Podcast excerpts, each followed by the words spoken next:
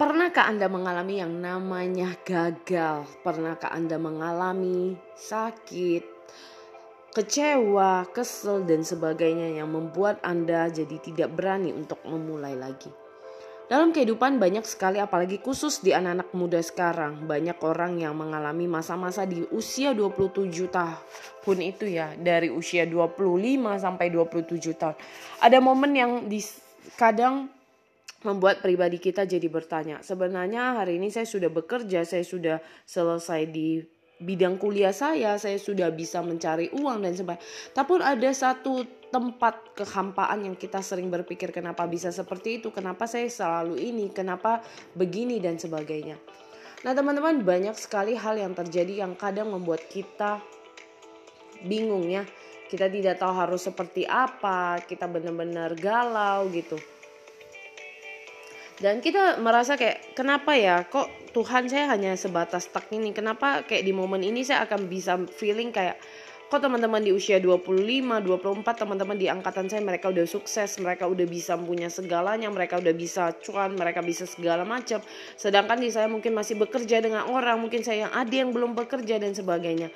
Teman-teman bagus jika kita bisa menyadari, kita bisa sadar akan posisi itu namun kita juga perlu take action. Jadi bukan kayak oh ya udah wajar kok misal kita kita cerita kepada mentor senior dan sebagainya. Orang yang oh wajar. Di saat saya juga pernah mengalami tetik di kondisi tersebut. Nah buat saya pribadi di saat saya mementoring anak-anak usia segitu saya selalu akan ngerimain mereka bahwa you need to move on. Bahwa kamu perlu untuk bergerak kamu perlu untuk out of the zone. Bahwa kamu nggak bisa dalam kondisi seperti itu out of the box karena yang kadang kita berpikir oh saya sama dengan dia ya udahlah gitu.